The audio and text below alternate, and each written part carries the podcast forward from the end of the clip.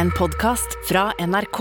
De nyeste episodene hører du først i appen NRK Radio.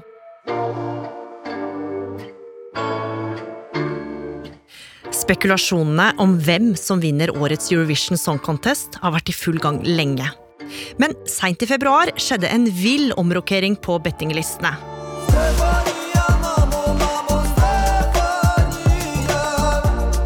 Over natta vippa plutselig Ukrainas bidrag opp på topp.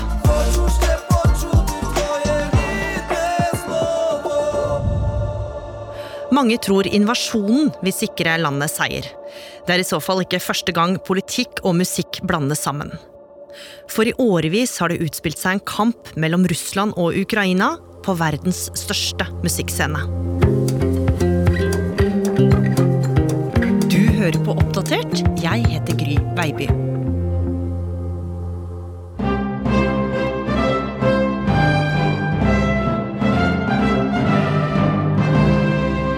Arrangørene er veldig glad i å si at konkurransen ikke skal være politisk. At det bare skal være en hyggelig konkurranse mellom venner i Europa og Australia. Men når en sang kan gå fra å ligge helt greit på bettinglistene én dag til å fyke rett til toppen den andre, så beviser du at konkurransen den er politisk. Jonathan Gåthaug Nilsen, du er eh, journalist her i NRK og brenner for eh, Eurovision av hele ditt hjerte. Det vil, det vil jeg påstå. Og nå som det nærmer seg den store finalen 14. mai, så er det mange som tror at det er nettopp Ukraina som kommer til å stikke av med seieren. Ja, det blir i hvert fall helt sykt spennende å se hvordan det til slutt ender. For hvis eh, Ukraina faktisk da går av med seieren i mai, så viser det hvor samla Europa står om denne forferdelige krigen som foregår i landet. Men det er jo ikke første gang det har vært spenninger mellom Ukraina og Russland på Eurovision-scenen. Det hele startet egentlig helt tilbake i 2004. Det var andre gang Ukraina var med i konkurransen. Ja. Da gikk det en dame opp på scenen iført magtopp og kort lærskjørt. Nesten litt sånn steinalderliggende kostyme, egentlig. Hun hadde langt, svart hår som flagret i vinden, og hun het Ruslana, og sangen var Wild Dances. Just maybe I'm crazy. The walls been running, running. Men selv om de var helt ferske i konkurransen, så imponerte de. Og det var jo kanskje ikke en selvfølge med tanke på historien, Jonathan, for den var jo spesiell. Ja, for i over ti år så hadde Ukraina slitt med å få landet opp på beina igjen etter å ha vært under Sovjetunionen, eller Russland, da. Men nå, med denne låta som viste en stolt og fri krigersk kvinne, så var det klart at dette var jo Ukrainas år.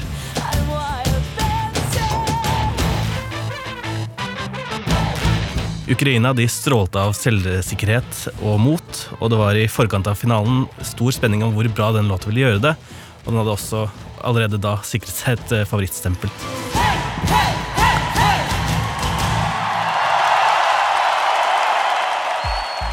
Og som alltid var det jo veldig spennende da poengene skulle deles ut i finalen. Ruslana, we love you. Ukraine, 12 points. 12 points, Ukraine. 12 points, Ukraine. 12 points, Ukraine. 12 points, Ukraine. Ukraine 12 points. 12 points go to Ukraine. Ukraina har dermed vunnet Melodi Grand Prix 2004. For Ukraina var jo det her en kjempeseier. Og seieren speila stemninga i det ukrainske folket. De hadde fått mer tro på landet sitt, og låta virka kanskje også som inspirasjon til det som skulle skje. Ja, for noe av det hun sang kunne jo virke veldig politisk. For eh, hun sang jo blant annet at eh, vi har vært lydige forgjeves, og at man skulle være litt ville i dansen sin, eller det mange tolka som altså ta ansvar for sitt eget land, da. Og med denne seieren i boks, bare et halvt år seinere, så skjedde det voldsomme ting i landet. For gjennom åra hadde det bygd seg opp stor misnøye med korrupsjon og valgfusk, og nå krevde mange ukrainere et mer demokratisk land som skulle være mer uavhengig av Russland. Og folk tok til gatene i det som seinere ble kalt oransjerevolusjonen. Ruslana tok jo også selv til gatene under demonstrasjonene, og sangen hennes ble enormt populær blant de som krevde et mer demokratisk og fritt Ukraina uten korrupsjon. Og tre år etter den store seieren i Eurovision stilte Ukraina med et nytt bidrag som skulle provosere Russland. Og det med det mange omtalte som det villeste og mest absurde nummeret noensinne. Ja, for i 2007 så kom kanskje det mest ikoniske og legendariske innslaget og nummeret i Eurovision sin historie.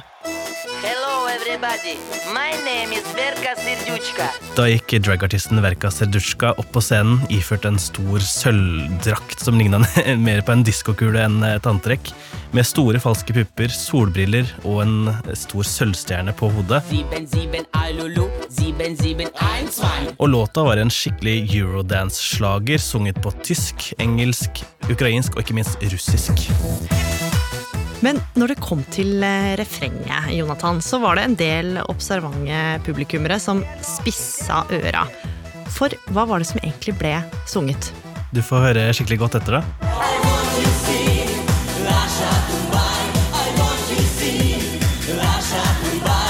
For hva var det du hørte her, Gry? Var det Russia Goodbye? Nja, det er iallfall det mange hørte. Men eh, det som egentlig ble sunget av verka, var Lasha Tumbai. Aha. Mm.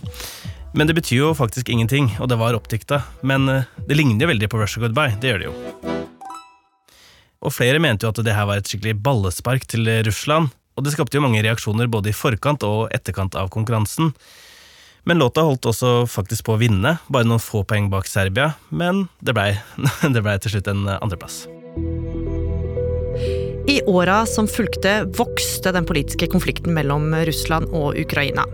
For i 2014 hadde Ukraina valgt en president som ville ta enda flere steg bort fra russisk innflytelse og nærme seg Europa. Og det var snakk om handelsavtaler med EU, og kanskje til og med en søknad om å få bli med i EU på sikt. Og det skulle bli tydelig at dette satte sinnet i kok i Russland.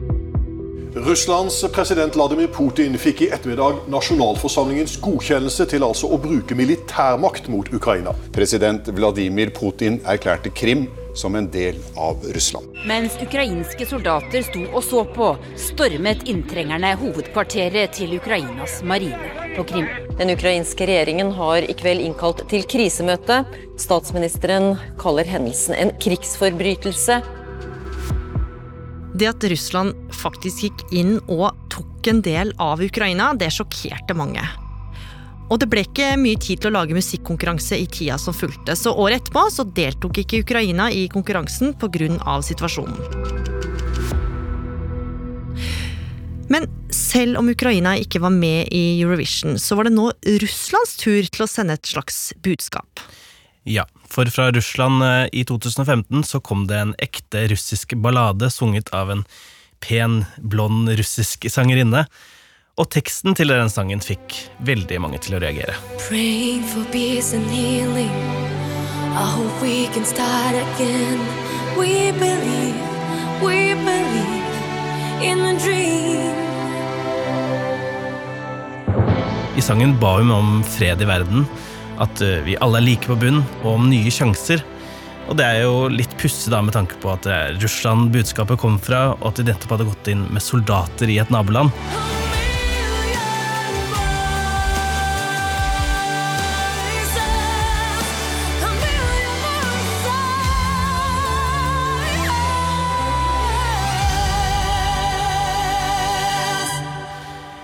Den russiske låta samla inn masse poeng i løpet av kvelden, men, men, hver gang de fikk poeng, så la jeg merke til at det, det var ikke veldig populært blant publikum i salen, og det var faktisk en del eh, buing underveis.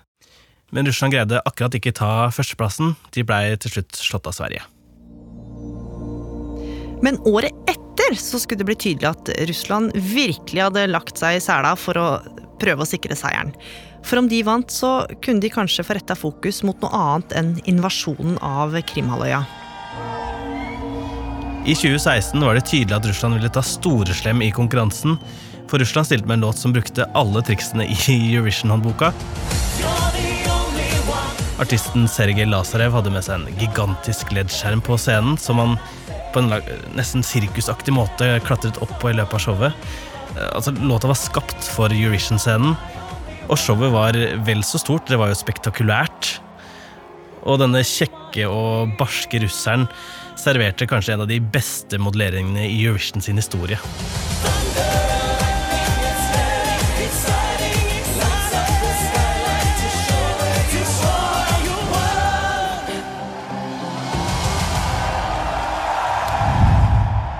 Russland gikk av scenen til rungende applaus, og nå fulgte alle ekstra nøye med. For noen eh, låter seinere var det klart for Ukrainas bidrag. De hadde vært ute av konkurransen ett år, og nå var de tilbake. Og det vi så på scenen nå, det var noe helt annet, Jonathan. Man kunne kanskje ikke bedt om en større kontrast, i hvert fall rent låtmessig. Eh, Ukraina stilte med artisten Shamala, som selv var fra en spesiell folkegruppe på Krimhalvøya, tatarerne, og låta handla om bestemor hennes som ble tvangsutsendt fra Krimhalvøya av Sovjetunionen. Og når da Shamala gikk opp på scenen, så skjønte vi alle at det her blir ikke noe fest og moro vi skulle få se. Hun kom ut på scenen med et alvorlig blikk, og alt var mørkt. Det var kun en, en laser som egentlig belyste scenen. Og man så jo at det her er ekte, det hun skal fortelle, da. When strangers are coming, come to your house. They kill you all and say we're not guilty, not guilty. Where's your mind? Where's your mind? Humanity cries. Humanity cries. You think you're God. You think you're gods. But everyone dies. But everyone dies.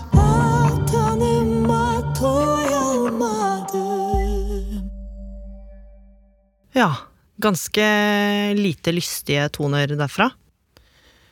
Det var en eh, sterk tekst, og mange lurte på om denne låta egentlig handlet om Russland og det de hadde gjort på Krimhalvøya to år tidligere. I tillegg var det mange som mente at denne låta blei altfor politisk for konkurransen, men arrangørene støttet seg til det Ukraina sa om at eh, sangen handlet om bestemoren til Shamala, og ikke konflikten med russerne. Okay, Mons, are you ready for this? I think I am. It's now time to present the winner of the Eurovision Song Contest 2016. Og da det kom til avstemningen, så steg jo spenningen, i hvert fall. Fordi det viste seg fort at de to landene som fikk mest stemmer, var jo nettopp Russland og Ukraina. Og det ble til slutt en kamp mellom Sergej fra Russland og Shamala fra Ukraina. Så landene som var i konflikt i virkeligheten, kniva nå altså om seieren også på scenen. Og ekstra spennende ble det da folkets stemmer skulle deles ut. Ja, for da skulle det endelig avgjøres, og under opplesningen av telefonstemmer ble det ene landet etter det andre lest opp, men ikke Russland. Og stemninga den steg for hvert minutt som gikk. For alle visste at jo lenger tid det tok, jo flere poeng ville Russland få. The favorite according to the televote is Russia. But will their points be enough to pass Ukraine? Og da det bare var ett land igjen, skjønte jo folk at Russland var folkets store favoritt. Men ingenting var avgjort, for Ukraina hadde jo et så stort forsprang etter jurystemmene at spørsmålet egentlig bare var om det var nok det folk ville gi Russland. Eller om Russland da måtte se seg slått på målstreken av Ukraina. 361 points, which is not enough to pass Ukraine, and we have a new winner of the Eurovision Song Contest 2016. It's Ukraine! I really want peace and love to everyone. Thank you, Ibra! Kamala from Ukraine. Welcome to Ukraine. Det endte med stor seier til Ukraina. Men mange trodde ikke helt på forklaringa på at sangen ikke var et spark til Russland. Sånn som jeg i hvert fall opplever sangen, så vil jeg si at det er jo helt åpenbart. Jeg hører altså Jamala i noen intervju har vært ganske tydelig på det. At det handler jo om situasjonen i dag. Og Et eh, medlem av det russiske parlamentet sier at dette er et ledd i eh, propagandakrigen som Vesten fører mot eh, Russland for tiden. Så det er en sterk følelse av at Russland har blitt urettferdig behandlet. Men til tross for kritikken så gikk musikkonkurransen sin gang. Og i 2017 skulle verdens største musikkfestival arrangeres i Kiev. Og siden dette jo på papiret er en upolitisk musikkonkurranse, så forberedte også Russland seg på hvem de skulle stille med. Ja, fordi Russland gikk for artisten Julia Samolova, som ble født med en sjelden genfeil som gjorde at hun måtte sitte i rullestol. Hun hadde blitt en folkefavoritt i Russland, og har tidligere vunnet en X-Factor-lignende konkurranse i landet. Men siden denne folkefavoritten hadde turnert i Russland, gikk det også rykter om at hun hadde vært på Krimhalvøya. Og det kunne bryte med ukrainsk lov. For siden annekteringa av Krim så hadde Ukraina gjort det ulovlig å reise fra Russland og direkte inn på Krim. Og nå kunne ukrainerne bevise at det var nettopp dette Julia Samilova hadde gjort. Ukraina ville jo på død og liv ha henne ut av den konkurransen og nekte henne å opptre. Mange mente at det var et bevisst valg av Russland å sende henne, fordi det var en slags provokasjon mot Ukraina, siden det var tross alt i Kiev det skulle arrangeres. I tillegg til å samle da sympati fra de andre europeiske landene for det de mente var urimelig behandling av artisten Julia. Og de internasjonale arrangørene i European Broadcast Union, EBU, klødde seg fælt i hodet over hva de skulle gjøre med den fastlåste situasjonen. Ja, fordi Ukraina nekta henne innreise, og Russland nekta å bytte artist. Så arrangørene i Det europeiske kringkastingsunionen foreslo at Julia kanskje kunne opptre live via en videolink i Moskva, men da så russerne rødt. Det var ikke aktuelt, og de endte heller med å trekke seg fra konkurransen det året. Så i 2017 gikk konkurransen av stabelen uten Russland på scenen. Og bare det at det hadde gått så langt, det viste jo bare hvor ampert det var blitt mellom de to landene. Men i år skulle det bli mer kontroversielt enn noensinne. For aldri tidligere hadde det vært like spent mellom Russland og Ukraina som i år. Overalt så blir det jo snakk om hvordan skal vi forholde oss til eh, arrangementer der Russland er med. Og eh, et arrangement som mange er opptatt av, og som får alltid stor oppmerksomhet, og der det alltid er mye politikk, også er, jo Melodi Grand Prix. You know, it's a non-political event. That's hilarious for a start because it's all politics. I think actually Eurovision is a really good way for people to settle their international disputes through the medium of kitsch disco. Men igjen sto arrangørene på at Eurovision er og forblir en upolitisk arena. The people and the government, well, in Russia, it's not the same thing. Russia can still compete. Vladimir Putin, no doubt, breathing a huge sigh of relief. EBU var tidlig ute med å si at både Ukraina og Russland var velkommen til å delta i Eurovision i år. Det sendte store sjokkbølger gjennom Europa, og veldig mange krevde at Russland skulle bli utestengt fra konkurransen. Et av våre naboland, Finland, var veldig tidlig ute med å si at eh, de ikke kom til å delta hvis Russland skulle få sende sitt bidrag. Og etter hvert så kastet også NRK og Norge seg på den ballen, og krevde at russerne skulle utestenges fra konkurransen. Og til slutt måtte EBU gi etter for et enormt press. And this year, the Eurovision people are kicking out Russia. Only thanks to the Scandinavian and the Baltic countries who stepped up and said it's either us or them, the BU had to make a decision. Så av invasjonen ble Russland kasta ut av konkurransen i år, og samtidig ble Ukraina storfavoritt. Så nå lurer jo alle på, vil Ukrainas bidrag, Kalush Orkestra, vinne Eurovision 2022? Det er ikke godt å si hvordan det her ender, fordi i Eurovision Song Contest så kan alt skje. Men eh, sjansene de er absolutt store, og fanmiljøet tror på seier, selv om de kan få ganske store problemer når de 40 fagjuryene skal stemme på sin vinner, fordi man har jo sett tidligere at eh, da juryene ikke er så glad i rap, og i hvert fall ikke folkrap. Men Jonathan, dette er jo en konkurranse som skal være upolitisk. Hvor bra er det egentlig når politiske begivenheter påvirker hvem som vinner? Mange mener jo at det er den beste låta som burde vinne uansett hva, men til syvende og sist så handler jo Eurovision Song Contest om følelser, og når da Kalush Orkestra går på scenen, du hører på en måte desperasjonen til artisten i refrenget som han synger om sin mor, at han ser hun sliter, så mange vil jo tenke på kanskje eh, mor Ukraina, ikke sant, landet sitt, eh, og kjenne på den smerten de rett og slett gjør da, når de da forlater landet sitt i krig for å delta på en folkefest.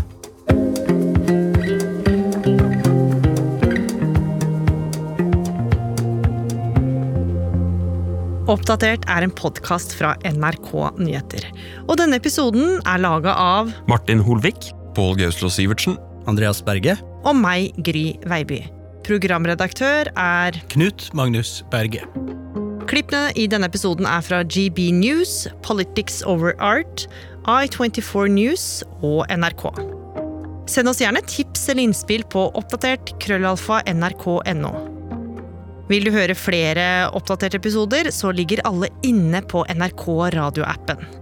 Og liker du det du hører, tips gjerne en venn om oss. Jeg er på vei hjem fra skolen. Da gikk to gutter forbi, og han ene spytter da på meg og sier da 'jævla svarting'. På slutten av 80-tallet begynner det å dukke opp hakekors og andre nazisymboler på husvegger og postkasser i Brumunddal. Innvandrerfamilier i bygda blir livredde når de blir utsatt for stadige angrep. Da så jeg bare liksom at pappa lå i gangen. Hele puta var rød, liksom. Og, og det var blod overalt. Når antirasister og en gruppe kjente nynazister møter opp på et folkemøte, blir det bråk. Vi er norsk arbeiderungdom altså, som er for norsk makt. Altså. Og må kunne gå an å si at vi er for Norge og for Europa uten å bli kalt rasister. Jeg heter Kaja Frøysa, og jeg har laget dokumentarserien 'Gateslaget i Brumunddal'. Gateslaget i Brumunddal hører du først i appen NRK Radio.